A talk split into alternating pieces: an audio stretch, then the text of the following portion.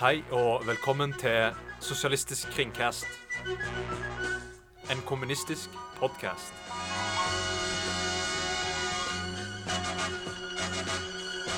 Dagens episode handler om eh, Skal vi ikke introdusere oss først, kanskje?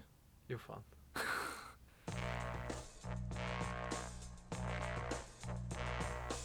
Hei og velkommen til Sosialistisk kringkast.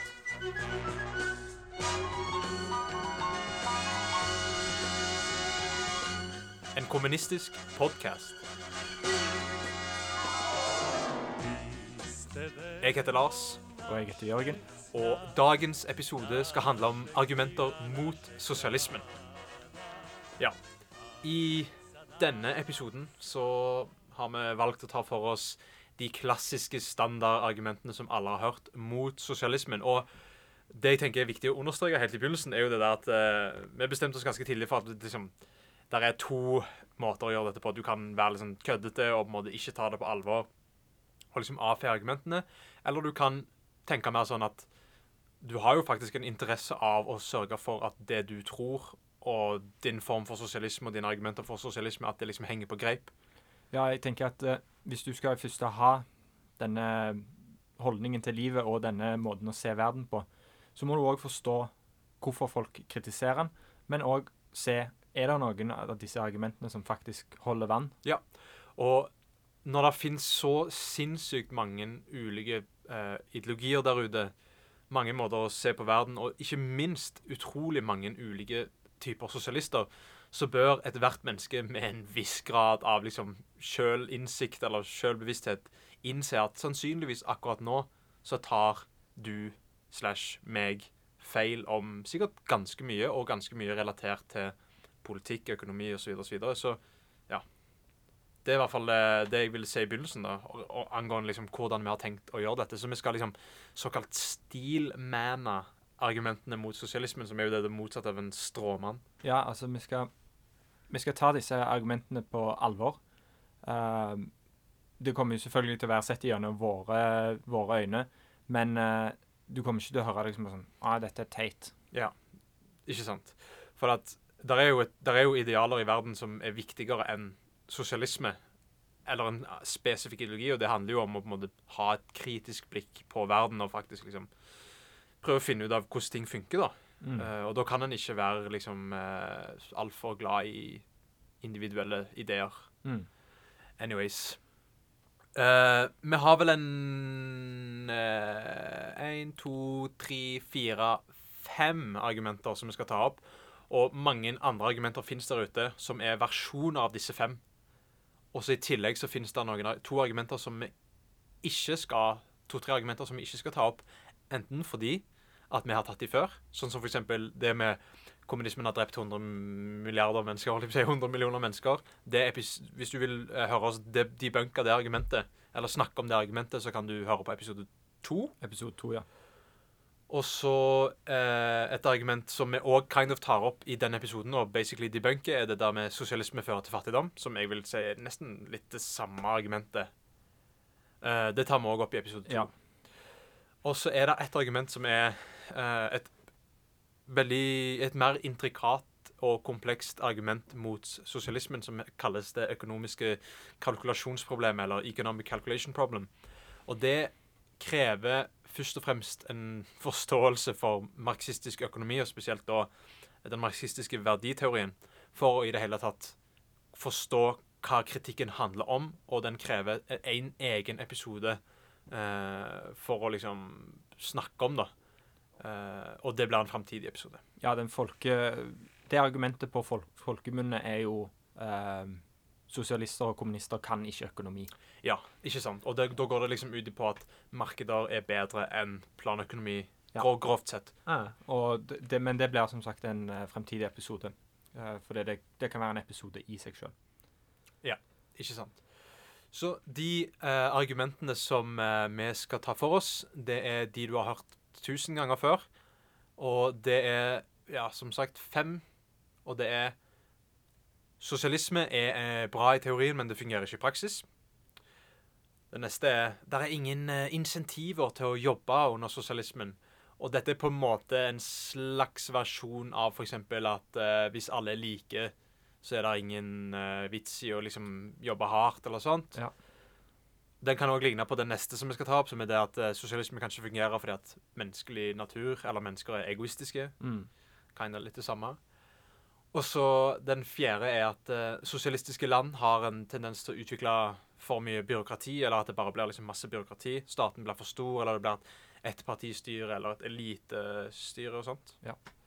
Og den siste vi skal se på, er eh, Venezuela, som Ja, er liksom et eller- argument i seg sjøl. Eller mer et sånn komparativt argument. Fordi eh, ofte blir historiske bevis på en måte dratt fram som Ja. Bare se på Sovjetunionen. Og sånn. Vi har valgt Venezuela, eh, Uh, siden det er på en måte den mest uh, moderne versjonen av det argumentet. Ja, og jeg vil si måten vi kommer til å svare på den, er annerledes enn vi ville svart på bare se på Sovjetunionen, for eksempel. Det er faktisk to forskjellige kritikker, egentlig, hvis vi ser på hva det, hva det går i. Men uansett uh, Jeg tenker vi bare hopper rett ut i deg. Ja. Og da vil jeg Da sier jeg til deg, Jørgen Ja, Jørgen, du er sosialist.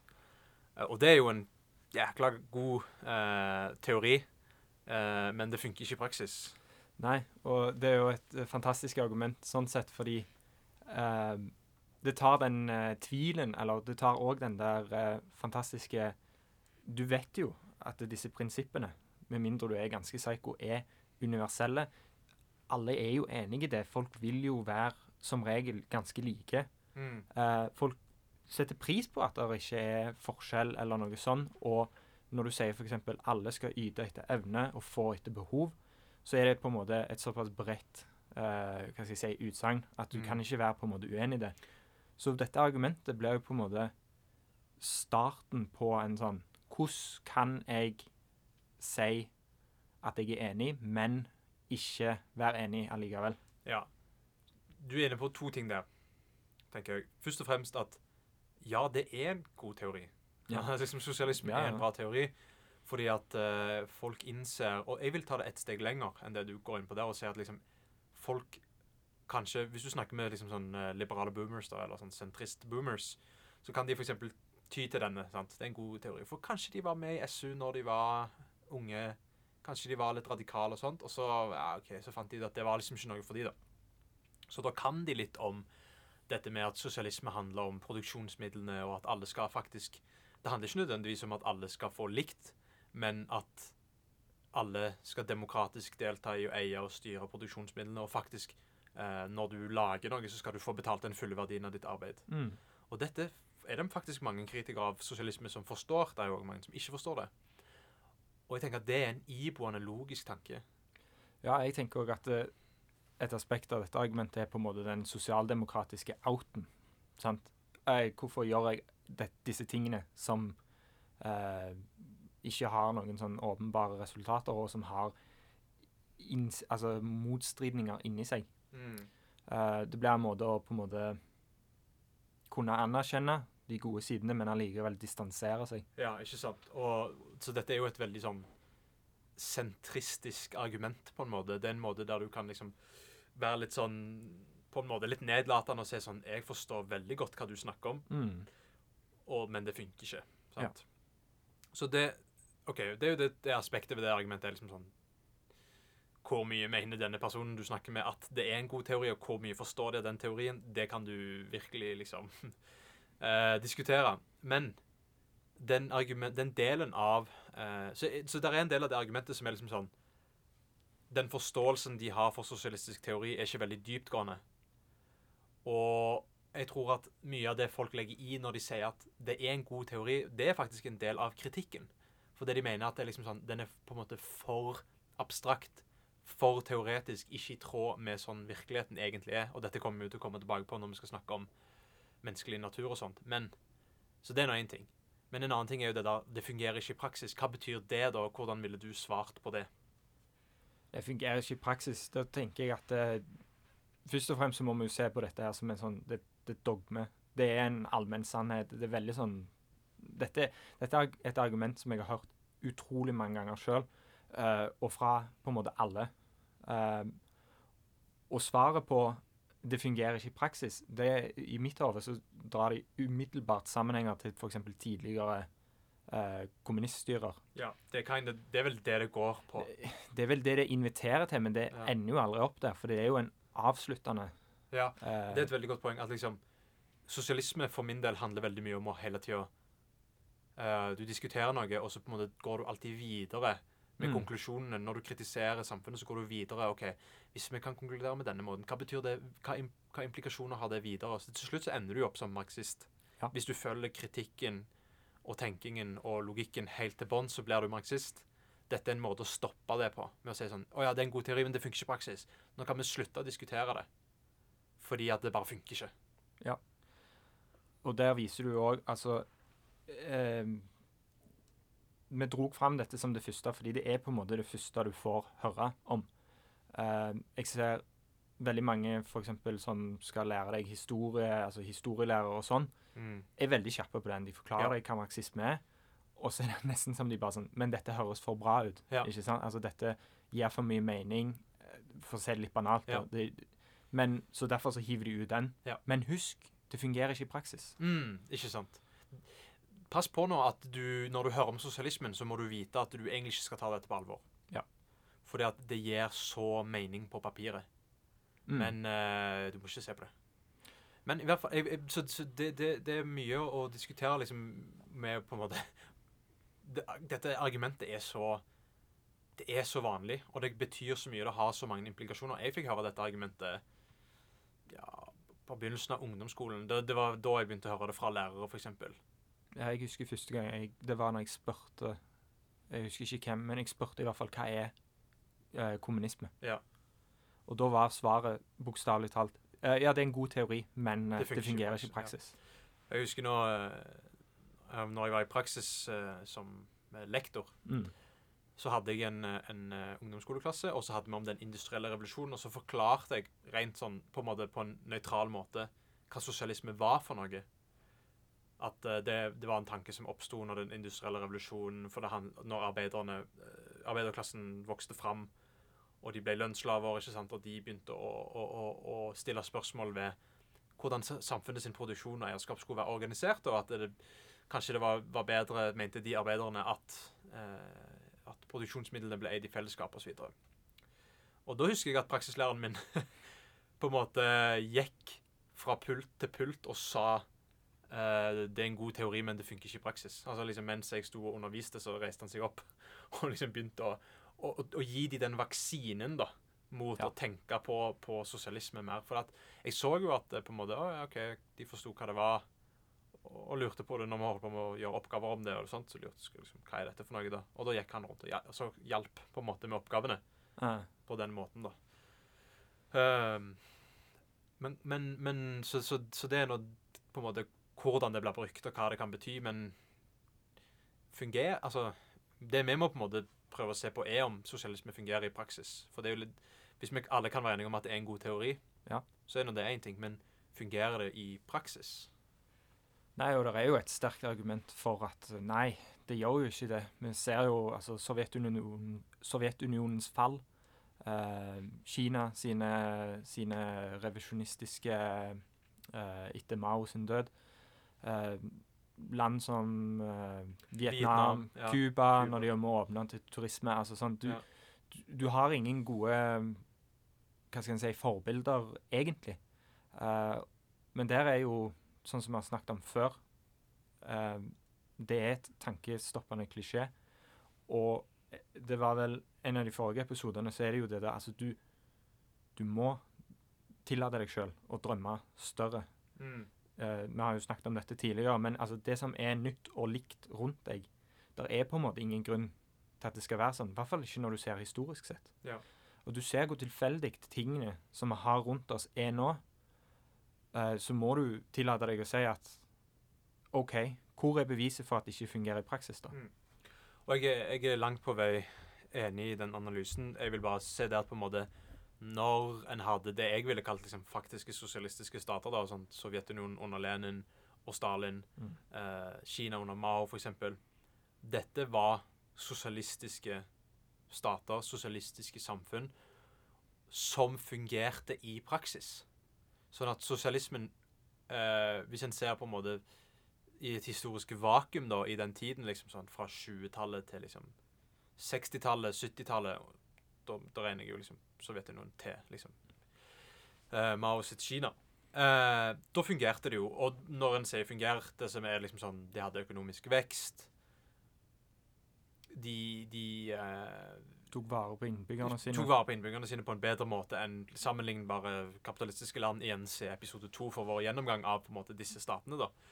Men det er jo som du sier, at liksom En kan ikke bare si sosialisme fungerte fordi at på en måte i løpet av 50 år så kunne en vise til eksempler på fungerende sosialistiske, sosialistiske stater når en på en måte de siste 40 årene ikke har noe å vise til. Nei, og det ble jo litt som at eh, du ville ikke dratt inn Hva skal jeg si Haiti som et eksempel på at kapitalisme ikke fungerer across the board, altså uansett. Fordi noen plasser så fungerer jo Ja. kapitalisme. Ja. Men det fungerer ikke i Haiti. Nei. Og det fungerer andre plasser enn så lenge, kan en si, for eksempel. Men det, det som jeg vil på en måte basically da på en måte concede, da, eller liksom vedgå ved dette argumentet, er at uh, det har vært Altså, det må være Per definisjon så må det ha vært noen grunner til at den sosialismen som har eksistert, ikke fungerte i det lange løpet. Og da må en jo tenke OK, hva var de interne grunnene? Hva var det med situasjonen deres internt og liksom sosialismen som den ble praktisert der? Eh, Hva var det med Altså sånn, sånn rent på en måte organisatorisk Men òg sånn Hva var det med deres omgivelser, da, for eksempel? Kanskje mm, en kan se på liksom det, den sammenhengen som vi diskuterer i en av de foregående episodene om sosialiststaten og revolusjon, ne nemlig det med at liksom Sånn som Marx sa, at liksom Sosialismen kommer til å oppstå i et industrialisert land. Og grunnen til det er jo fordi at en på en måte Hvis en skal ha en arbeiderstat, som jo det er sosialismen er på mange måter, og som Sovjet, Sovjet, Sovjetunionen oppretta, men ikke klarte å, på en måte ved- da Det handler jo om at en må ha mest mulig arbeidere til å delta i staten på en mest mulig demokratisk måte. Og dette er veldig vanskelig når du starter fra scratch i et sånn halvføydalt, bakvendt, analfabetland. Ja, du må lage denne klassen fra bånn av, som aldri har hatt en tilhøring til dette og sånn. Men jeg, jeg tenker òg et viktig aspekt med det er jo òg, hvis du ser på det fra et marxisti- marxistisk ståsted, som er jo det at OK, rent materielt, da. Eh, Sovjetunionen versus USA. Hvem har mest ressurser? Det er et argument for at liksom, USA teknologisk og materielt har bare mer. Så det er et spørsmål om tid. I hvert fall når de konsentrerer så mye ressurser på å så på en måte ruste opp og sånn. At det det er et, det er et uh, tapsprosjekt for Sovjetunionen. Ja. Det, det er et argument, og der, jeg vet det er mange som er liksom sånn Sosialisme fungerte, men det ble liksom fucked opp av CIA. Ja, kanskje eh, ikke, altså Men, men igjen, det er liksom det der at OK, hvis vi skal være på en måte litt Altså, hvis du skal lage en sosialistisk stat og liksom kaste av deg borgerskapet og liksom lage en internasjonal revolusjon og så klarte du altså, så, så er det jo en feil at du ikke klarte å stå imot ytre press. Ja. At the end of the day Ja, så kan en på en måte ikke si noe annet enn det. At liksom Uh, Hvis du skylder på Eller bruker det som en forklaringsmetode, da, så, må jo, så kan du like så godt snu på det og si at sosialismen er ikke sterk nok der og da til å tåle dette. Og da er det jo igjen, da, det ikke, da kan en ikke si at liksom det er USA sin feil, for at du kommer alltid til å ha motstander i dette spillet. på en måte. ja. Det må en jo nesten bare regne med. Men uh, jeg, jeg, jeg tenker, tenker mer langs de linjene med, med at uh, på en måte Sånn som du var inne på med det der med at hvis en tenker det lange løpet Snart er hele verden lese- og skrivekyndig. Verden er mer eller mindre industrialisert. Vi har hatt den teknologien som på en måte nå muliggjør en arbeiderstat. Mm. For at borgerskapet trenger jo bare være en liten klikke, en liten elite, ikke sant? Som utnytter det store flertallet. Det trenger ikke være så veldig mye demokrati. Mens en sosialistisk stat er avhengig av en organisering på et helt annet plan, og ta, ta i bruk på en måte alle samfunns... Alle kreftene i arbeiderklassen, og da er en jo avhengig av at arbeiderklassen er utvikla, og at den på en måte har den uh, teknologien og, og det er ikke snakk om mye. altså Jeg, jeg mener sånn at liksom Sovjetunionen kunne kanskje klart seg gitt deres teknologinivå. sånt. Og, men, men det som skjer, er jo at pga. Uh, borgerkrigen, uh, pga. revolusjonen Når den starta så tidlig eh, i, i, industrialiseringen for Russland, så var det ikke nok kader. Det var ikke nok eh, liksom, gode eh, kommunister til å på en måte ta del i styringen av landet og opprettelsen av en demokratisk stat. Og da ser en jo på en måte at en får framveksten av et byråkrati.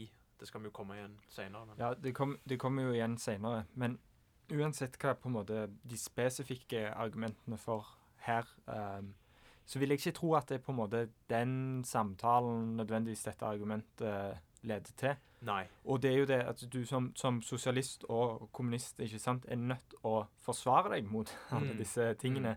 Mm. Uh, men, jeg, men, nå tenker jeg liksom sånn Én ting er å tenke på dette som argumenter du må forsvare deg mot, og hva, hvordan du skal overbevise motstanderen. Men òg Jeg liker òg å tenke på det liksom den genuine sjølrefleksjonen og kritikken som en er nødt til å ta av sin egen såkalt sin egen historie og, og, og sine, sin ideologi eller tanke. At det er det aspektet jeg prøver å få fram med den diskusjonen om hva var liksom nyansene bak at sosialismen i praksis ikke fungerte den gangen, og hvorfor mener jeg rasjonelt og kritisk sett at det kan fungere nå. Ja. Så det tenker jeg er et veldig viktig aspekt ved det argumentet her. Men det andre aspektet er liksom sånn Hvis, hvis du bare er ute etter å på en måte ja, gi et greit svar, da, så kan en jo egentlig bare si at liksom Fungerte ikke i praksis på hva måte. Og så kan du begynne å diskutere mer de levekårene under de sosialistiske statene, som vi vet, hvis du ser igjen på episode to, var så så mye bedre. Var det, det, var det du mente? Ja, ja. ja. ja okay. Altså For hvis du, hvis du skal se på noe som jeg tenker er hva skal jeg si, en genuin kritikk med dette, så er det jo i hvert fall det, på en måte det teoretiske eh, aspektet. At eh, mye sosialisme oppstår og forblir i i hvert fall den dag i dag, i den på en måte teoretiske uh, verden. Og det igjen, med, altså igjen så er det sånn du, du kan snakke om hva hvis og, og hva Alt sånn her. Og hvis det forblir på en måte bare i diskusjonsverden, så har det jo på en måte rett, ikke sant? Ja. Og sånn, det du sier der med at det liksom så mye sosialisme er bare tomt prat, det er jo det er jo noe en ikke kan uh, komme unna, og det tenker jeg er for de typer sosialistene som ikke er villige til å liksom forstå seg på Sovjet, Sovjetunionen, f.eks., og tenke at det er genuint. Altså, det, mm. er, det var sånn sosialisme utarta seg under de forholdene. Mm. Da, da, setter en mer lit til sine egne tanker enn en hvordan virkeligheten utspiller seg. på En måte. For en, en kan ikke bare plukke og velge Nei, min sosialisme det er den sosialismen som er bra. Altså, hva, hva, betyr det, liksom? Jeg er ganske sikker på at alle mennesker i alle land til enhver tid skulle ønske at verden var bedre enn den egentlig er. Ja. Men det er liksom ikke det valget har en på en måte ikke. Nei. Så den marxistiske teorien er ikke en sånn en i hermetegn god teori. Det er en realistisk teori som tar for seg hvordan virkeligheten funker. Mm. Uh, og praksisen er noe en er nødt til å på en måte forstå på virkelighetens premisser. da. Mm. En kan ikke skjønnmale det, men en trenger heller ikke svartmale det. En kan si det skjedde på denne måten pga. disse forholdene. Men det, det, det, trenger ikke nødvendigvis være verken en dom eller på en måte et uh, seal of approval for alt som har med sosialisme å gjøre. Men uh, jeg tenker vi går videre, eller? Ja, den er grei. Ja, OK. Så det neste er uh, Du har ingen insentiv By the way, vi skulle rate argumentene. Ja, stemmer. Gi dem en rating. Ja, så Altså OK, så min rating er liksom basert på at én, dette er et sinnssykt annoying argument. Altså det der med at det er en god teori og bla, bla, bla. For at den personen som sier det, vet ikke hvordan det var verken i teori eller praksis. Nei. Det er bare en sånn ting som de sier. Så det er en sånn Jeg gir det en Jeg gir det en svak tre av fem. Fordi at det er faktisk handler jo om noe genuint, en genuin kritikk, men det er et jævlig annoying argument. Så derfor får den en tre av fem.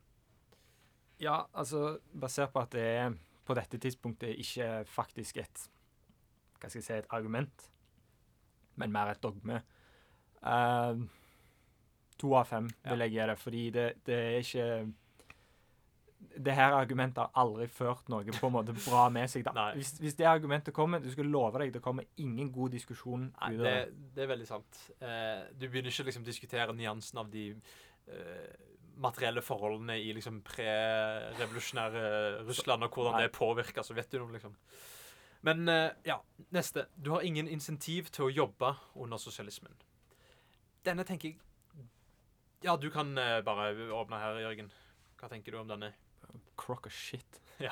Det er Det, det fins ikke noe mer usant enn dette her. Altså Til og med sånn liberale økonomer eh, innrømmer jo Og jeg går fullt med på at folk jobber jo gratis. Altså jobber som i gjør ting. eh, Som er, som er å drive en økonomi helt gratis. Ja. Hele tida. Uh, OK, jeg vil bryte den inn i to. Mm. Den ene er akkurat det som du er inne på det der, med liksom at måten de mener det på, til og med, det er, til og med der er han usann. Men for min del så vil jeg bare si at sosialisme handler ikke om Sosialisme er ikke det samme som kommunisme. Sosialisme er veien mot kommunisme, og kommunisme er en bra ting. Men sosialisme handler jo om hva er det yte etter evne og få etter det du yter. Jeg, akkurat, jeg husker ikke akkurat hvordan den er formulert. er. Nei, det er kommunisme. Ja, det er kommunisme. Så under sosialismen så er det liksom Du jobber, og så får du den verdien du har Mm. produsert, minus skatt, tilbake igjen. Det er sosialisme. Sånn at under sosialisme så har du all insentiv til å jobbe, og det kalles sjølopprettelse, ikke sant? Altså opprettholdelse. For å ha noe mm, For å ha ting, så må du jobbe under sosialismen. Og så får han til slutt kommunisme, der det er en annen mekanisme, men under sosialismen Altså Det er jo bare å se på Sovjetunionen. Folk var leger. Folk var ingeniører. Ja, folk gjorde, altså, folk gjorde de vanskelige jobbene med et smil om munnen. Mm. Uh, der òg. en versjon av dette er jo liksom det Ja, ja, hvis du skal ha kommunisme og, og, uh, i et land, så er det jo ingen som gidder å utdanne seg. Ja. Eh, fordi folk vil bare legge asfalt eller et eller Ja. annet. Gjøre noe enkelt. Ja, jeg, ble, jeg husker, jeg tror jeg gikk i niende, da, da var det sånn eksempelet læreren min brukte at ja, hvis du får like mye betalt for å spisse blyanter som å være en ingeniør, så er det ingen som gidder å være ingeniør. Mm. Men hva Da er det jo sånn OK, igjen, dette er en påstand som går an å fact-sjekke, liksom. Ja, det Og hvilke land hadde flest leger, ingeniører og osv. per capita? Jo, Jo, Sovjetunionen. Ja. Det er altså Det å, å, å tenke på jobb Eller dette argumentet her, og jobb generelt, bringer fram mer den der eh, tanken om eh, Tanken i, eh, i kapitalismen, som er mer den der at folk må trues, Ja. og folk må kues for å ville jobbe. Og det tviler jeg ikke er sant hvis du jobber for noen andre i en sånn sjeleløs jobb Mm. for Mm. noen andre som Mm. tar arbeidet ditt. Og jo hardere du jobber i din kapitalistiske jobb, jo mer tjener sjefen din. Ja. Du har timelønn. Det, så hva betyr dette argumentet? En siste ting jeg vil si. Det er mer til dette, men basically, vi kan si at det stemmer ikke verken på en måte psykologisk eller i virkeligheten eller i teorien. Altså um, det, Kanskje de mest på en måte sånn, sånn uh, shit-jobbene kan folk være mer insentiverte til å gjøre ved høyere lønn. Men leger og sånt, det er studie etter studie etter studie viser at det ikke er det som motiverer folk til å gjøre det arbeidet. Nei, tvert imot. altså Lønn kan eh, ha den motsatte effekten. Ja. Demotiverende. Ja. Uh, Men det, dette, føyer seg i rekken av ting som bare Nei, dette kan ikke være sant. Ja. Men det er sant. Men en ting til. Hvis du sammenligner Altså, under kapitalismen så blir arbeid underprisa kontra eh, kapital. Og det vil si at på et samfunnsøkonomisk messig plan så framstår det mer rasjonelt enn det egentlig er å bruke menneskelig arbeid til å gjøre en oppgave. Fordi at du trenger ikke betale folk den fulle verdien av deres arbeid. Og det det, det betyr i praksis, er at jo mer på en måte kapitalistisk et land er, ikke, jo, jo dårligere fagforeninger står osv., osv., jo mer menneskelig arbeid vil bli satt til lavverdig type arbeid, som f.eks. å sitte i en tollbod, mm. eller å koste parkeringsplasser, eller å fylle opp bensintanken din på bensinstasjonen, sånn som de gjør i USA. Mens jo mer sosialistisk en økonomi er, altså jo mer på en måte den fulle verdien av en arbeiders arbeid blir betalt ut, jo mer vil eh, kapital eh, og menneskelig arbeid, arbeid bli på en måte jevnt stilt i, i økonomien. Og da vil en begynne å bruke mer og mer teknologi for å frigjøre menneskelig arbeidskraft. Ja. Så på en måte det insentivene som eksisterer i en kapitalistisk økonomi, er insentivet til å binde opp masse, masse menneskelig arbeid i lavproduktive yrker, fordi du kan betale folk lite. Eh, det er jo bare å se forskjellen på Norge og eh, USA. I forhold til Ikke at Norge er et sosialistisk land, men at vi eh, priser arbeid høyere enn i forhold til kapital enn de gjør i USA. Du kan ikke drive sweatshops på Nei. samme måte. Nei. Og sweatshops lager arbeid. Ja, masse arbeid. Masse arbeid som du kunne gjort mye lettere med en maskin som du kunne lagd for mindre menneskelig arbeid enn å drive sweatshopen. Men jeg tenker òg dette, dette går litt på uh, hvor mye jobb, hvor mye ting Altså tenk på hobbyene som du har. Hvor mye arbeid og tid legger du ikke ned i det? Mm. Og det kan til og med være ting som på en måte rett og slett uh, minsker uh, Hva skal jeg si Fritid og mengden penger du har, eller noe sånt. Mm. Og i mange tilfeller så er det jo folk som gjør dette bedre. Ja. Et en lite eksempel jeg kom på, er f.eks. når uh, far til en kompis av meg eh, helt på egen hånd tok og så murte opp et postkassestativ. Ja. Ikke fordi de trengte et nytt, men fordi han liker å mure, Mm. og fordi han ville lage et fint stativ til på en måte Ja. gata. Eller sånn som den gangen du ringte meg og eh, spurte om jeg kunne komme og hente deg når du hadde, måtte gå ned fra fjellturen din Ja. plutselig. Stemmer. Da måtte jeg kjøre en del timer Ja, tre timer Ja. hver vei. hver vei. Og dette var jo liksom sent på dagen. Vi var jo hjemme på natta, basically. Ja. Hvis du hadde betalt meg for, for å plukke opp noe, så hadde jeg ikke giddet å gjort det. Nei. Hvis jeg hadde fått 200 kroner i timen for å gjøre det, så hadde jeg ikke gjort det. Men fordi, fordi det var gratis, og fordi det var for å hjelpe deg, Mm. så er det bare løye, liksom. Da er det meningsfullt, betydningsfullt arbeid, og da, da har du et insentiv. Det er bare se eksempler fra du, lytteren, ditt eget liv. Når du gjør noe for å hjelpe andre, så koster det deg mindre på en måte mentalt og emosjonelt enn når du gjør det for å hjelpe deg sjøl. Ja. Det er bare sånn mennesker er på en måte wira, da. Og på den måten så tror jeg egentlig at uh, vi slår dette sammen med det der mennesker og egoistiske argumentet. Ja, for det glir på en måte naturlig over i uh, tanken om egoisme, Ja. og alle skal mele sin egen kake. Her, uh, Du jobber egentlig bare for deg sjøl, og du kan ikke stole på noen fordi alle de du jobber med, bare ut etter din stilling. Altså, Mhm. Ja. ja, det, ja, Du kan trekke det ut til det endte argument. Og det er jo mye det som blir gjort unna, spesielt i sånn kapitalistisk hva man skal kalle det, sånn arbeidskultur. Ja. Og en ting som går igjen i disse argumentene, er jo at alle antisosialistiske og antikommunistiske argument gjelder egentlig mer for kapitalismen. Ja. For at eh, hvis mennesker er egoistiske, så burde du satt opp et system der eh, min, mitt arbeid ikke gikk på bekostning av andre. ikke sant? At for en, Der du ikke hadde en fuckings eier av produksjonsmidlene som utnytter andre sin arbeidskraft. ikke sant? Det, gir jo ingen mening. Hvis menneske, menneskelig natur, er egoistisk, så, så er det jo det enda bedre for sosialismen. Ja. For da er alle med å jobbe og heve det generelle nivået i samfunnet. på en måte. Ja, du må sette opp et uh, system som har mindre konkurranse, ikke sant? Mm. Uh, I stedet for mer. Uh, Ja. Fordi ifølge din egen logikk, da, så skal alle bare prøve å presse ut hverandre og sånt. Et knallgodt eksempel på det der er sånn The Tragedy of the Commons. Eh, det der fiskerigreiene, for eksempel. Med sånn, eh, sånn som det var ut forbi Canada. Der det var liksom bare sånn Du har ulike fiskebåter Mm. som alle konkurrerer om de samme ressursene. Og siden det er ingen organisering eller planlegging eller samarbeid mellom de, så har alle et insentiv til å fiske så mye som mulig over den grensa der fiskebefolkningen klarer å gjenopprette seg sjøl. Ja. Sånn at når kapitalismen blir satt inn for å ta vare på noen ressurser, eller utnytte ressurser, Mm. siden alle konkurrerer og, og, og liksom du har lagd et system som utnytter menneskelig natur på denne måten, så har alle et insentiv til bare OK, men jeg vet at det kommer til å gå tomt, for jeg vet at alle andre vet at det kommer til å gå tomt, så da må vi bare fortest mulig ned i dass.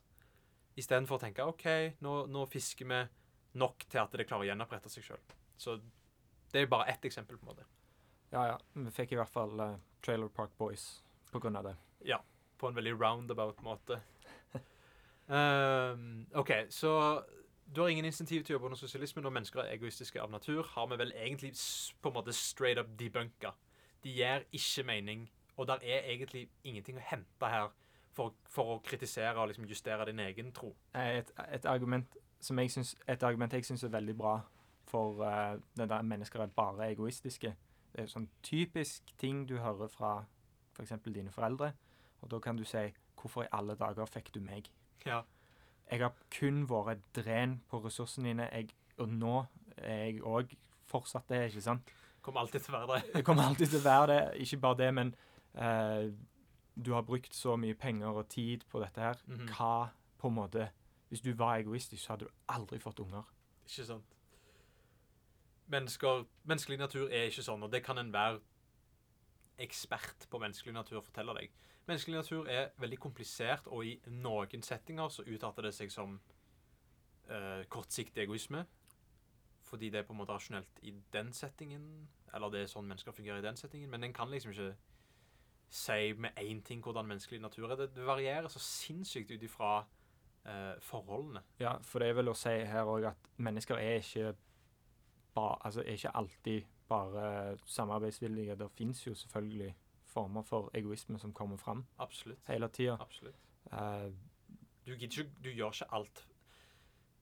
Altså, det, det kanskje en, en måte å si det på er at noen systemer er liksom sånn blurrer linjene mellom hva som er godt for deg og andre. Altså Mm. at der prososial atferd er måten å overleve på og måten å trives på. Det er jo det vi vil ha, et system der prososial atferd, altså det som er godt for alle, er, er insentivert. da. Og Ja. det er mulig selv om alle hadde vært egoistiske. mm. Så det, det er liksom dette argumentet jeg har. Jeg gir det en én av fem.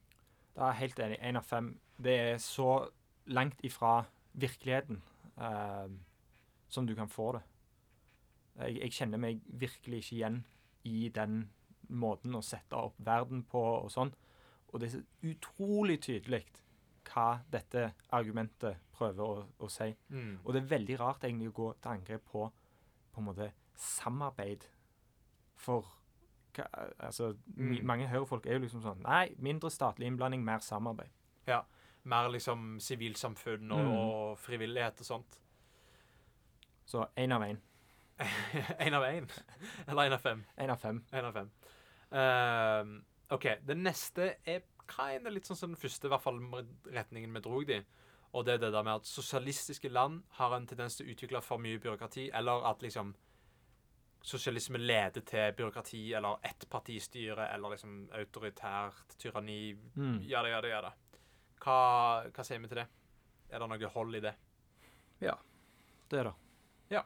Det, det er bare å se på de landene som har. De har hatt eh, ekstremt mye byråkrati. Mm. eh, og mange av de har endt opp som ettpartistyre. Ja. Det er ikke å stikke under en stol. Nei, det er ikke det. Uh, og igjen gå tilbake til den diskusjonen vi hadde i den episoden, når det kom til liksom Hvorfor ble det byråkratisering? Uh, og hva var det som sto i veien for liksom en dette, dette er en ting folk ikke vet. At Stalin på en måte sin rolle i Sovjetunionen var en prodemokratisk kraft. Altså han var, han var på en måte i den prodemokratiske tendensen i, uh, i Sovjetunionen, som ville åpne for uh, på en måte contested valg, da. Ja. Uh, og, og hadde en plan for å åpne opp samfunnet for mer, mer og mer demokrati. Ja, det som er interessant med, med Stalin og alt det han har gjort, på en måte, er jo det at når han dør, så slutter jo òg på en måte all det vi kan kalle demokratisk progresjon i Ja. Sovjetunionen. Og sånn at tanken til Sovjetunionen var liksom sånn OK, nå må vi bare bite tennene sammen. Dette er Lenin, dette er Stalin. Bite tennene sammen. eh, Bygge opp arbeiderklassen. Bygge opp mulighetene til landet vårt, liksom kapasiteten til landet vårt med tanke på industri, kultur osv. Og, og så, når på en måte folk er klar, og de ikke vil bli overwhelma dag én av på en måte reaksjonære krefter som er mye mer organiserte og erfarne, når vi har bygd opp arbeiderklassen, så kan partiet tre ut av den rollen som en detaljstyrer fra toppen og ned, og la folk ta over disse prosessene av seg sjøl, og en vil da være ett steg på vei videre mot kommunismen, ett steg på vei videre i sosialismen. Mm. Men så kommer jo Så, så, så klarer en ikke dette. Altså, en, en blir eh, overrumpla av de på en måte mer byråkratiske kreftene representert ved Khrusjtsjov og andre, som heller vil ha et topptungt styre, da, fordi at privilegier og Ja, elitisme Ja, og det gir dem mye kontroll Ja. eh, over ting. Og for å være helt ærlig, du ser jo at det, det, folk eh, lider under det. Uh, det har vi snakket om tidligere. Mm. Jeg er ingen fan av noe big government uh, skal komme her og lære oss eh, og vise oss eh, veien, på en måte. Folk Mm. må styre seg sjøl. Og jeg, jeg tror et godt eksempel på det er vel kanskje sånn planøkonomien deres. Ja. Som bare blir mer og mer delusional og handler mer og mer om å gjemme på en måte eh, gjemme seg fra virkeligheten. og, og større og større militærbudsjetter. Ja. Eh, altså, det, det og, og det som skjer da, er jo òg at sosialismen som ideologi begynner å handle mer og mer om materielle ting. For det kan på en måte eliten vise til. Se, økonomien vokser. Mm. Versus det som var tanken til Lenin og Stalin, som er at sosialisme er demokrati. En arbeiderstat på veien mot kommunismen. Mm. En faktisk ordentlig ideologi. Problemet med at, uh, å se at sosialisme er liksom overflod, noe det ikke er, Nei. aldri har vært, og aldri kommer til å bli, forhåpentligvis At det skal kun handle om at alt skal være tilgjengelig til enhver tid. Ok, Kanskje det vil skje en eller annen gang, men det er ikke det som sosialisme er. Hvis du sier det, og ikke klarer å levere det, hva skjer? Folk blir desillusjonerte med sosialismen. Og de har heller ingen stake lenger. De har ingen på en måte tilhørighet til sosialismen, fordi at du som en ettpartibyråkratisk klikke har holdt folk utenfor sine egne liv, styringen av sine egne liv, i bytte mot billigere brød, liksom. Og når du ikke lenger klarer å levere på det, år for år, en massiv økning i materiell levestandard, hva skjer da? Nei, altså, du ser jo Et klassisk eksempel fra Sovjetunionen er jo når de bestemmer seg for eksempel å, å konkurrere med USA om hvor mange TV-sett, altså hvor mange TV-er Ja. det er i landet. Ja. Som er en sånn Ja, det er kjekt med TV og alt sånt her, men Du har sier- du har så utrolig mye viktigere prioriteringer. Ja. Og det er andre gjennomgående problemer med eh, Sovjetunionen. Eh, måten de forholder seg til økonomi på, spesielt til Stalin osv. Eh, med, med disse markedsreformene som kommer osv. osv. Men det har vi ikke tid til å gå inn i nå. Men Nei. igjen, sosialistiske land utvikler et byråkrati og et partistyre som på en måte blir sånn forsteina og, for, for, og blir sånn oldisgreier. Mm. Fordi mekanismer vi har allerede diskutert. Ja. Så dette er et, eh, et Jeg vil si et solid argument mot, uh, mot sosialismen. Fordi at den trykker der det gjør vondt. Ja. At som sosialist så er jeg sånn Det vi vil ha, er demokrati. Mm. Et sosialistisk demokrati, en sosialistisk arbeiderstyrt stat på veien mot kommunisme. Og her er det liksom sånn Ja, trykke fingeren inn i det såret som er Det gikk ikke. Den gang da. Nei. Så derfor vil jeg gi dette en fire av fem.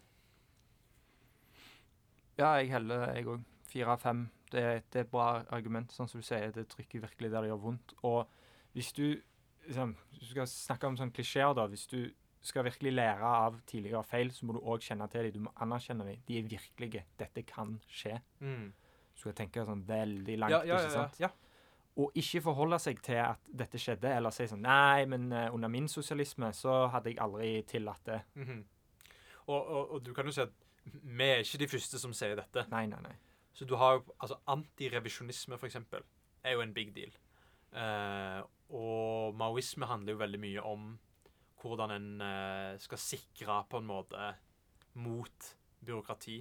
Hvordan en skal sikre på en måte sosialistiske demokratiet osv.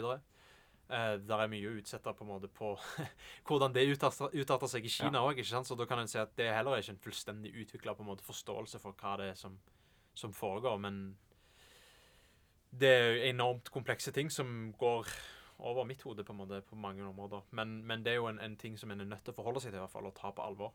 Ja. Uh, ja. Og da har vi kommet til den aller siste uh, Det siste argumentet, og det er Venezuela. Altså, av og til så Jeg har vært i, i diskusjoner med folk der det er liksom sånn Ingen annen kontekst, bare liksom sånn Ja, men hva med Venezuela? Mm. Eller bare Ja, bare se på Venezuela, ikke sant? Hva med Venezuela, da? Og øh, som vi har vist tidligere, så er vi åpne for eh, kritikk av sosialistiske land. Og det er kind of der dette argumentet feiler, fordi at Venezuela er ikke et sosialistisk land. Nei, altså, de er USA sin utpekte geopolitiske fiende, og gjennom et uh, meget effektivt uh, presseapparat har blitt vår uh, geopolitiske fiende. Ja. Men de er et sosialdemokrati. Mer Ja, eller mindre. Ja, ja, du, de er et sosialdemokrati, men kampen mot et sosialdemokrati eh, låter ikke så bra som å liksom, oh, Venezuela, det sosialistiske landet Ja. Venezuela. Diktaturet Venezuela. Diktaturet. De, som har demokratiske valg og liksom Ja. Det, dette argumentet er Det det handler om, er at OK, du har et land, Venezuela, som har en på en måte populistisk, sosialdemokratisk, halvsosialistisk regjering innenfor en borgerlig stat. De har ikke, har ikke, de har ikke hatt en revolusjon i den leninistiske forstanden. De har ikke opprettet en arbeiderstat. Det er ikke sosialisme. Det er en sosialistisk kvasisosialistisk sosialdemokratisk regjering i, et, i, et, i en borgerlig stat som, som bruker nasjonaliserte oljeinntekter på 2000-tallet for å betale for en haug med gode og progressive sosiale reformer. Og som oppnår en massiv velstandsøkning, en massiv reduksjon av eh, fattigdom og dødelighet. mm, Og så, når Chávez dør og Maduro tar over ved demokratiske valg Der er, ingen, der er veldig lite snusk å peke på i Venezuela. Alt er liksom blåst ut av proporsjoner av pressen.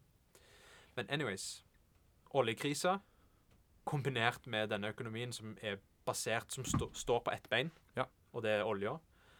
Og litt sånn ymse Keyn- Keynesian økonomisk politikk. Samtidig som du nevner masse gribber. USA, England, som kommer og skal knekke dette landet åpent som et egg, da. Stjeler eh, deres eh, kontoer. Fry, altså tar gullreservene deres, mm. fryser pengene deres osv. Sanksjoner på det, og prøver å lage usta ustabilitet inni landet. Dette er jo da en eh, Ja, det ble jo en katastrofe. ja, mens de propper det opp som den neste store Ikke akkurat trusselen heller, men mer en sånn ideologisk trussel. Og det viser jo egentlig hvor langt eh, borgerskapet er villige til å gå. Altså, du, De flytter seg jo bare mer og mer til høyre. Nå er det ingen Sovjetunionen lenger. Eh, og Korea kan du, Nord-Korea kan du bare bølle med så mye. Eh, men eh, sant, du må flytte deg da til et sånn sosialdemokrati. Og jeg tror det er enda rarere å si det som nordmann. For Ja. vi har jo nasjonalisert oljeinntektene våre for å funde Ja. eh, en velferdsstat. Ja. Så hva er det du sier da? At det er en dårlig idé?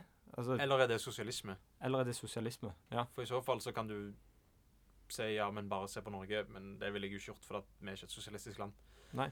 Så det, det er et veldig rart argument, spesielt som du sier, i den konteksten vi lever i, den norske konteksten. Altså, men, men det viser jo på en måte bare at eh, den norske pressen går med på det den amerikanske pressen pusher, og den amerikanske pressen er bare en arm av liksom utenriksdepartementet i USA og liksom Forbes 500, på en måte. Mm.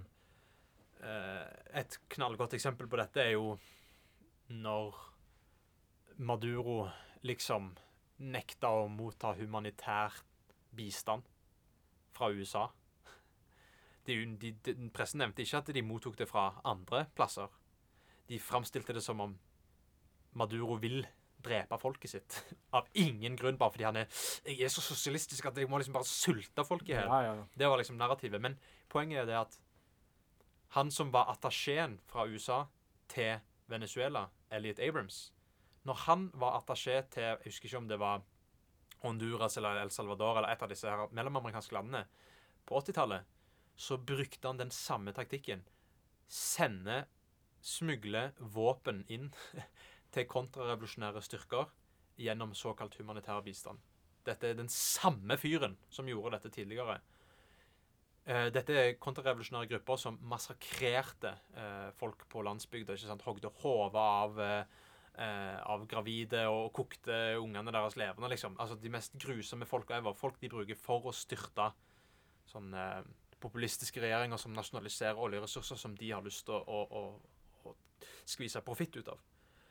Og Norge bare går blindt med på dette. Og, og rapporterer ikke på noen av disse detaljene, men bare bruker alle måter for å få det til å se ut som passer innenfor det narrativet at liksom sosialisme er sult, basically. Ja. Ja. Eh, rapporterer ikke om liksom at opposisjonen i landet eh, brente svarte Venezuela, Venezuela, venezuelanere levende, f.eks. Brente ned eh, matforråd osv. osv. Hadde det vært liksom Hadde det handla om sannhet og hva som faktisk skjer, så hadde du aldri, aldri brukt det argumentet. Nei. Eh, det viser hvordan på en måte virkeligheten din er jo et produkt som på en måte I hvert fall hvis du leser mye aviser og går med på det media sier til deg, eh, er direkte usant. mm, Eh, og hvis vi skal trekke det tilbake til er det et bra argument mot på en måte sosialisme, så, så, så er det så det er så out there at det, du, du kan ikke engang uh, kalle Venezuela et sosialistisk land. Mm. Eh, og der faller det jo ifra hverandre. Og Og, og dette er ikke sånn Det var ikke ekte sosialisme. Sånn type argumenter. Nei, nei, nei. Men- men sånn, OK, Maos Kina var ekte sosialisme. Stalins eh, Sovjetunionen var ekte sosialisme. Hvis, hvis, hvis Venezuela faktisk var sosialisme, så hadde vi ikke kviet oss for å si at det var det. nei, hvis det var sosialistisk, da vil jeg påstå at ja, da er Norge sosialistisk, og det er ingen som Ja. kan si at det er. Nei. Ehm, I hvert fall ikke de som bruker dette argumentet, vil si det. Nei, absolutt ikke. Uh, bortsett fra i visse kontekster der det gagner de å si det. Liksom sånn, De er så intellektuelt uærlige at de kan på en snu på en femåring. da. Uh, men men uh, det en kan si, er jo at når oljekrisen kommer i Venezuela, når den ordentlige opposisjonen fra USA begynner, og den interne opposisjonen begynner, så går levestandarden ganske markant ned i Venezuela. Og det er mye uro i landet. Men det er mer komplekst enn at sosialisme førte til det, bla, bla, bla. bla for at i den foregående perioden så skjedde det motsatte. Når Chávez kom til makten, så ble det et rikere land. Ja, altså, avisene elsker å si at ja, nå har barnedødeligheten gått opp 300% Og så ser vi på Så kan du finne en statistikk over barnedødeligheten, så ser du ah, OK, ja, det var etter USA begynte å herje med dem. Og den har gått opp 30% Ja, og for ikke snakke om at han har sunket i det foregående for, under Chávez, ikke Ja. sant, som aldri før. Ja, så, så den er basically De har basically gått tilbake til square one. Ja. De har gått tilbake, de har havna tilbake til start. Og der er, der er studier på området som viser at sanksjonene fra USA er mer eller mindre eh, det som har forårsaka den økte barnedødeligheten. Det er det samme, samme som de gjorde med, med Irak, f.eks. Ja. For, eh, ja, på 90-tallet. Mm. Eh, igjen, det, det, mye av dette er liksom se episode to, antikommunisme. For det, igjen, argumentet dette handler jo ikke om som du sier, det handler jo ikke om å være intellektuelt ærlig eller om sannheten. Det handler jo om sjokkverdien, på en måte, og, og lage dette narrativet av at sosialisme er sult. Ja, og hvis vi ser Noe det objektivt sett ikke er. Nei, ikke sant. Og hvis vi ser på det sånn rent historisk, så er det jo bare Se hva USA har holdt på med nede i Sør-Amerika. Ja. Det er ingen grunn til at det ikke, de ikke skulle tro at det er deres bakgård. Her Mm. herjer vi fritt. Her gjør vi Mm. som vi vil. Um, det er, der er ingen tegn til at de har sko, eller har slutta med det, ikke sant? De har det, nei, det er veldig, veldig sant. De har akkurat det samme insentivet, og det er markeder. Ja. Dette, dette er imperialisme. Altså Monroe-doktrinen tok aldri slutt. Nei. Uh, de vil ennå på en måte penetrere inn i de, de lukka økonomiene og, og, og høste den profitten, da. OK, så rate argumentet. Ja. Det er en én av én eller én av fem. Samme her. Én av fem. Eh, det er et jævlig annoying argument. For det at det holder liksom ikke Hvis du sier sånn Venezuela er ikke et sosialistisk land, så tror folk at du mener sånn Sosialisme er kun når det er perfekt. Mm. Men det er literally ikke det vi mener. Det, det, det er ikke et sosialistisk land sånn som Sovjetunionen var. Ja, Ikke bare det.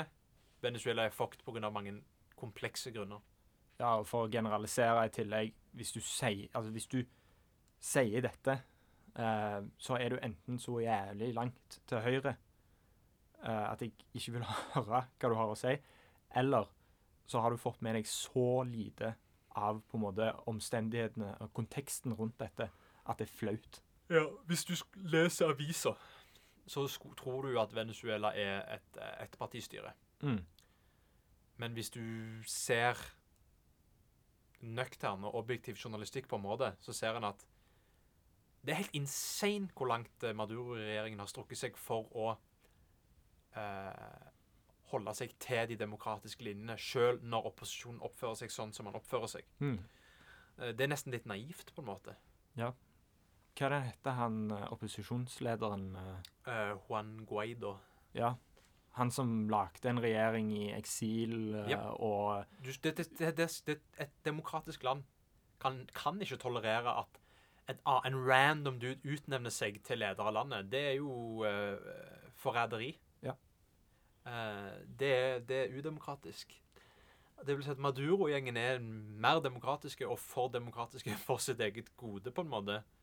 Eh, mens mm, eh, Guaido og den opposisjonen er jo bånn korrupte og udemokratiske. Og er basically bare sånn eh, kompradorer som på en måte vil eh, komme til makten på ryggen av at USA vil gjøre de til sin puppet, sånn at de kan privatisere oljeressursene. mm.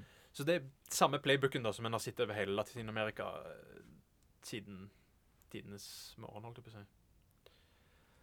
Greit. Hvis vi skulle oppsummert på en måte disse argumentene, eh, så vil jeg jo si først og fremst at det er jo noen av de mest vanlige argumentene, i hvert fall i forhold til vårt ståsted. Hvis du har hørt noen andre argumenter, så må du bare komme og fortelle oss om de. Eh, men det som er, jeg, jeg føler er gjennomgående for alle disse argumentene, er at eh, de tar enormt mye for gitt.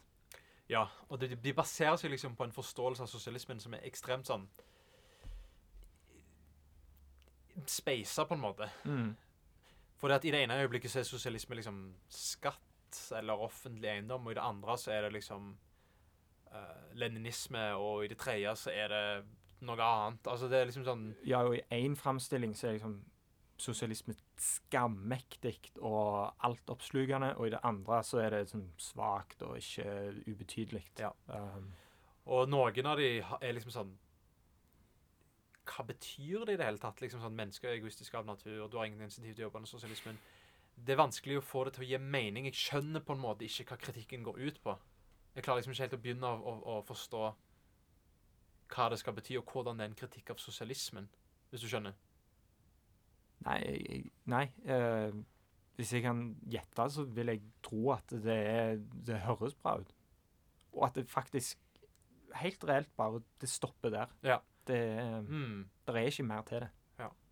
Eh, og det er jo òg en gjengang at det handler om liksom Dette handler jo om Det handler ikke om å ha liksom en genuin kritikk av sosialismen. Det er på en måte det vi prøver å gjøre nå. Ja, ja, Hvis du hører denne episoden og tenker åh, neste gang noen sier dette til meg, så har jeg alle argumentene jeg kan si. Ja. Ja, det kommer ikke til å skje. Nei. Altså, Hvis noen sier disse tingene, så er det ikke en conversation starter, det er en conversation ender. Disse folka ikke altså, Måten du har en samtale med noen om vanskelige ting, krever en gigantisk dose på en måte uh, Humility, hva heter det på norsk? Ydmykhet. Ydmykhet. Vi skal ikke sitte her og si at vi kan alt. Altså, hvis jeg møter noen som er uenig med meg, så tenker jeg liksom sånn ah, du, nå, nå vil jeg Altså, Hvis vi skal ha en samtale om noe, så er jeg kun interessert i å ha det hvis vi begge kan sitte og, og genuint prøve å reflektere litt og spørre hverandre om hva vi mener med ting osv. For at jeg var ikke født med kunnskapen om sosialisme, og jeg skal ikke si at jeg eh, kom, vet alt om det, og at jeg liksom vet alt. Og alle mennesker kommer til konklusjoner for sine egne grunner, ofte basert på, på en måte eh, materielle årsaker, da, sånn klassebakgrunn osv. Alt dette gjør jo at det er ikke vits å, å, å ha en jævlig shouting match med noen du møter om sosialisme. Det er liksom nytteløst. Ja, Det kommer ingenting godt ut av det. ja, det er hvis du sier f.eks. at eh, Nei, jeg er sosialist, og jeg er imot staten. Ja. Så får du det rareste blikket. Det er, for, det er for mye å gå inn på, Ja. på en måte. For det, som du sier, de tar så mye for gitt hva du tror om ting. Mm. Når, når du diskuterer med folk, så kan jeg garantere deg at eh, de, de plugger inn en del hull i, i sin forståelse som, som du ikke kan kjenne deg igjen i. Så det er bedre å, å ha en litt mer sånn åpen, spørrende dialog med noen da, enn å diskutere. Hvis, hvis folk absolutt vil bli en sånn debate bro, som kanskje er nødvendig på en måte for å spre ideologien i offentlige fora, så hør på noe annet. på en måte. Jeg, det er interessant, og jeg, jeg er for å, å kunne være veldig tøff og på en måte sånn uh, konfronterende òg. Ja. Det har sin plass. En skal ikke hele tida være sånn øh, liksom sånn veldig ydmyk og, Ja. og sånt. Altså, en, av og til så må en sette hardt mot hardt. Men jeg tror premisset for denne episoden var å få en dypere forståelse for hva disse argumentene betyr, Mm. og hvordan en kan forholde seg til dem, mer enn en sånn en Hvis de sier dette, så sier du det, og så eier du det, liksom. Det var liksom ikke helt der, da. Kanskje vi kan gjøre det en annen gang. Liksom hvordan eh, oppføre seg i en situasjon som skal være konfrontativ, Ja, ja. og hvordan vinne det, på en måte. Det er jo interessant. Det er jo en interessant. Men anyways, med det så tror jeg vi sier eh, takk for oss. Um, ja. Ja.